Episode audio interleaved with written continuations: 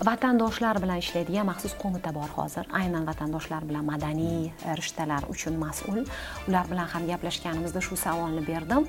Yaqin yaqingacha vatandosh deganda qandaydir bir o'zbekistondan qochgan o'zbekistondan qaysidir darajada yuz o'girgan o'zbekistonning buguniga befarq o'sha chet elga pul izlab boylik ketidan chiqib ketgan odamlar deb talqin qilinar edi o'zbekistonning ichkarisida.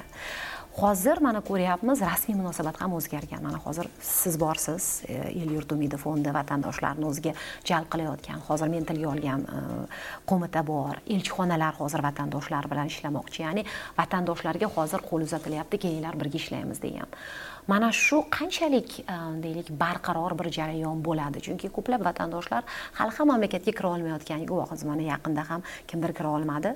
Viza ololmayapti yoki bir paytlar fuqarolikdan chiqib ketgan e, hozir e, deylik maqomi noaniq mavhum. Umuman hujjatlar bilan bog'liq muammolar juda yam ko'p.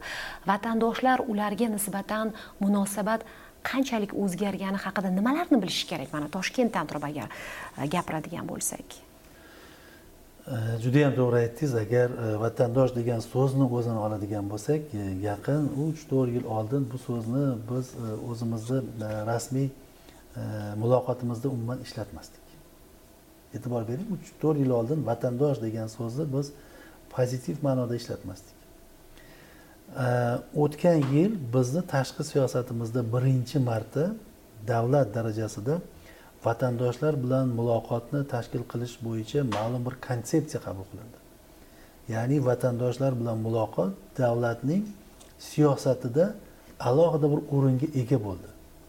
Nihoyatda mustahkam bir e, huquqiy fundament yaratildi. Huquqiy asos bor. Institutsional asos yaratildi. Mana siz aytgan bitta qo'mita ikkinchisi mana bizni jamg'arma. Uchinchidan mana shu tashqi ishlar vazirligi tizimi. Biz hammamiz institutsional asosmiz vatandoshlar bilan muloqotga. Endi eng asosiysi siyosat. Mana siyosat borgan sari vatandoshlarni o'zbekistonga qaytarish yoki o'zbekiston bilan muloqotga qaytarish o'zbekiston bilan hamkorlikka qaytarish bo'yicha turli xil imtiyozlar yaratilyapti. Turli xil imkoniyatlar berilyapti. Hamma gap bugungi kunda endi qarsak bo'lishi uchun ikkinchi tomonni harakatiga bog'liq bo'lib qoladi. Biz hozir aytyapmiz xursand bo'lib gapiryapmiz. Aksariyat mana shu muhokama qilinayotgan investitsion loyihalar klasterlar deyapmiz yangi innovatsion texnologiyalar deyapmiz. Hatto o'sha yangi innovatsion tashkilotlar deyapmiz mana milliy sog'liqni saqlash bo'yicha milliy palata.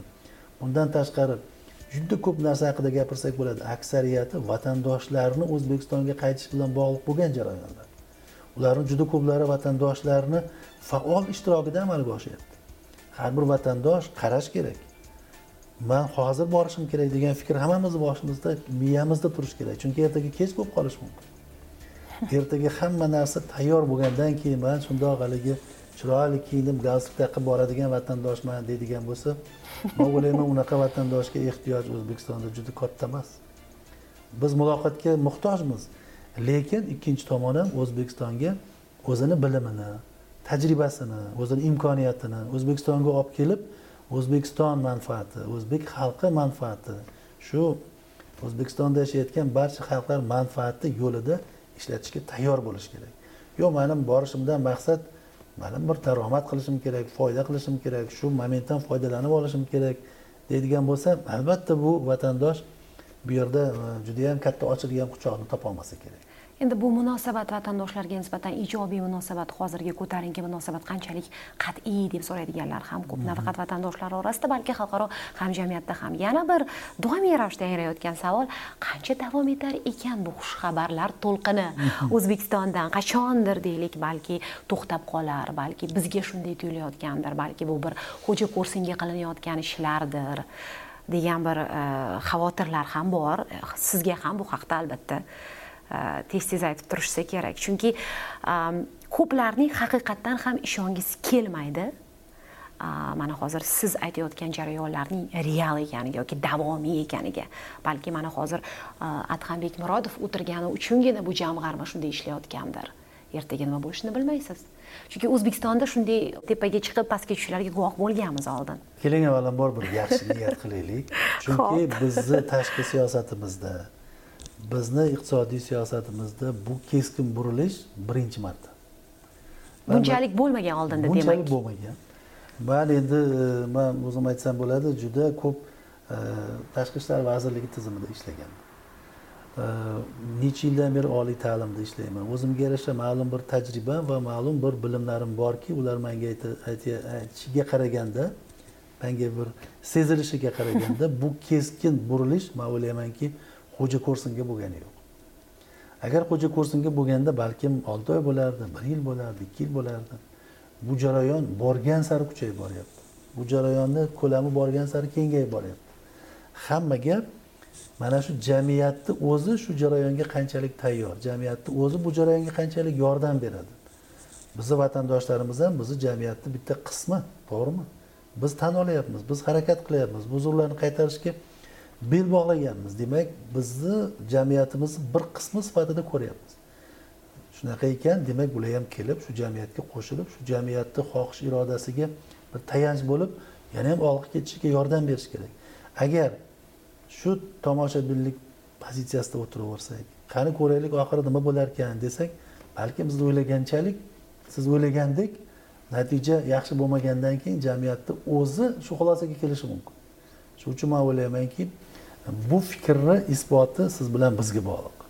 Siz bilan bizni xohishimiz irodamiz harakatimizga bog'liq. Hammamiz tomoshabin bo'ladigan bo'lsak hech narsa bo'lmaydi. Orqaga qaytishimiz mumkin undan ham yomon bo'lishi mumkin. Lekin asosiy maqsad oldinga ketyapmiz natijasini ko'ryapmizmi? Endi yaxshi niyat qilib belni yaxshilab bog'lab orqaga qaramasdan faqat oldinga qarab bosish kerak. Vatandoshlarimizga taklifim ham shu bo'lardiki tomoshabin bo'lmaslik kerak. Tezroq kelib bu jarayonga qo'shilish kerak. Bu jarayonda o'zini o'rnini topib olish kerak. Ertaga raqobat kuchayadi. Bugun biz ehtiyojimiz katta shu mutaxassislarga. To'rt yil besh yildan keyin bu mutaxassislarni biz o'zimiz tayyorlaymiz. Bizni jamiyat bizni jamg'armamiz yigirma o'ttiz yilga tuzilgan jamg'arma emas. Man bunaqa deb o'ylamayman. Biz ko'p bo'lsa besh yil yetti yil ishlashimiz kerak. Besh yetti yildan keyin bu jamg'arma bu jamg'arma shunaqa zo'r oliy o'quv yurtlarini tayyorlash kerakki shunaqa zo'r loyihalarni tayyorlash kerakki shunaqa zo'r qanaqadir bir innovatsion ishlarni qilish kerakki xorijga kimnidir yuborib o'qitishga ehtiyoj bo'lmasligi kerak. Biz butun umr zo'r kadrni xorijda o'qita olmaymiz. Biz qachondir bu ishni o'zimiz qilishimiz kerak. Ya'ni o'zbekistonning o'zida oliy o'quv yurtlari shunga o'zida shunga tayyorgarlik bo'lishi kerak. Shuning uchun ham bizga vazifa qo'yilyapti. Bizga aytilmayapti besh yil o'n yilda shuncha ish qiling deb. Ikki yilda uch yilda biz yaxshi tushunib turibmiz. Besh yildan keyin biz qilayotgan ishni o'zbekistonni o'zini ichida qilishimiz kerak. Biz shunga qarab harakat qilishimiz kerak. Bizni tashqarida tomosha qilayotgan vatandosh ham ko'zini oldidan o'tkazish kerak. Manga ehtiyoj bugun bor. Besh yildan keyin man hamma qatori bo'lib qolishim mumkin. Turistga o'xshab borib kelib qolishim mumkin. Shu payt borishim kerak shu payt harakat qilishim kerak deyish kerak. Hozir. bu mani mani tushuncham chunki bu yangilayotgan yangilanayotgan o'zbekiston. O'zbekiston xalqaro bozorga e, xalqaro maydonga boshqacha kirib boryapti. Mana shu jarayonda biz albatta vatandoshlar bilan muloqotni o'rnatib vatandoshlar orqali o'zbekistonni o'sha xalqaro hamjamiyatda pozitiv obrazini yana ham kuchaytirishga muhtojmiz. Shu uchun ham biz vatandoshlarga murojaat qilmoqchimiz. Shu shu uchun ham biz vatandoshlar bilan yaqin ishlamoqchimizki to'g'risini aytish kerak. Bir paytlar o'zbekistonni xalqaro hamjamiyatda ma'lum bir negativ obrazini yaratishda vatandoshlarimizni ham o'rni bo'ldi to'g'rimi? Endi bugungi kunda mana shu vatandoshlar bilan shunaqa muloqot kerakki bizni pozitiv obrazimizni yaratishda vatandoshlarni alohida o'rni bo'lishi kerak. Bu hozir aytganimizdek davlatni siyosatini muhim tomonlaridan bittasi ham shuki vatandoshlar potensialidan biz tashqi siyosatimizda faol foydalanishimiz kerak. Juda katta masala. Bunga bir tomondan biz tayyormizmi? Ikkinchi tomondan vatandoshni o'zi ham tayyormi? Uchinchi tomondan muloqotga nima kerak? Ya'ni vatandosh bilan mana shu darajaga chiqishimiz uchun biz muloqotni qanaqa tashkil qilishimiz kerak? U uchun bizni vatandoshlar bir marta bu o'zbekistonga qaytib kelish kerak ko'rish kerak. O'zbekistonda bo'layotgan voqealarni o'zini ko'zi bilan ko'rish kerak. Biz gazeta jurnal yoki xorijiy ekspert orqali gapirtiradigan gaplarimizdan ko'ra shu paytgacha o'zbekistondan chiqib ketib bir marta qaytib kelib e man ketganimdan keyin mani davlatimda mana bunaqa o'zgarishlar bo'libdi deb uni aytgan bir og'iz gapini o'rni butunlay boshqa endi mana shunday gaplarni aytayotgan vatandoshlar bor. Bor. lekin kela olmayotgan vatandoshlar ham bor hali ham.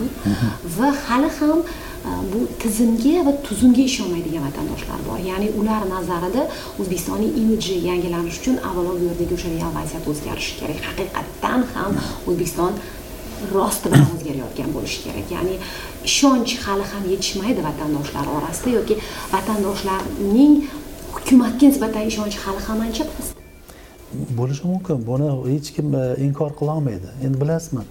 Hali aytganday o'n besh yigirma yilda to'plangan muammoni bir ikki yilda bartaraf qilamiz deyish noto'g'ri. Bunga vaqt kerak. Ishonch vaqtni talab qiladi. Keling birga ishlaylik. O'sha ishonmaydiganlar bilan birga ishlaylik. Agar haqiqatda o'sha ishonmaydigan kategoriya o'zbekiston uchun foydali bo'ladigan bo'lsa o'zbekistonni xalqaro maydondagi obro'yini yana ham ko'tarishga tayyor bo'ladigan bo'lsa yordamga qo'l ochib quchoq ochib turgan bo'lsa marhamat muammosini bizga aytsin. Birgalashib o'rganaylik birgalashib o'shani yechimiga harakat qilaylik. Hukumatga nisbatan qo'rqinch hamon bor. Men agar hozir elchixona orqali deylik o'zbekiston hukumati bilan muloqot boshlasam meni tekshirishlari mumkin. Yoki bir paytlar deylik yigirma yil oldin chiqib ketganman o'zbekistondan. Averib kuyib ketgan deylik. Hujjatlar bilan bog'liq muammolar ko'p hollarda yoki siyosiy fikri uchun hukumatga qachondir yoqmay qolgan yoki o'zi bilmagan holda fuqarolikdan chiqarib yuborilgan. Minglab vatandoshlar shunday qilib o'zbekiston pasportidan ayrilishgan.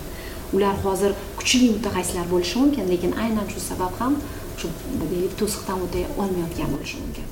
Bo'lishi mumkin. Endi albatta bu muammoni yechimi vaqt hozir e, aytyapman bir aniq muammo bo'lmagani uchun unga aniq yechimni aytish qiyin. Va o'ylayman odamning o'z ishi bilan albatta albatta. Har bitta konkret misol bilan shug'ullanib konkret bir yechimni berishimiz kerak. Bu albatta birinchidan mehnatni talab qiladi ikkinchidan vaqtni talab qiladi. Chunki ishonch yillar davomida yo'qolgan ishonch bir kunda paydo bo'lmaydi. Uni ham shakllantirish uchun yillar kerak. Faqat endi faol bo'lishimiz kerak. Biz o'z tomonimizdan vatandoshlar o'z tomonidan o'ylaymanki harakatda hamma narsani yechimi bo'ladi. Faqat harakat kerak. Aniq muammolarni biz o'rganib shoshmasdan kerak bo'lsa o'shani chuqur ildizlariga yetib borib keyin yechimini topishimiz kerak.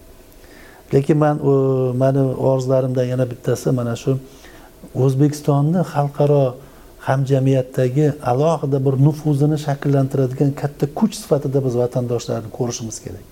Bizni o'sha vatandoshlar bilan ishlash borasidagi konsepsiyamiz mana ikki ming o'n sakkizinchi yil yigirma beshinchi oktyabrda qabul qilingan prezident qarori bilan tasdiqlangan.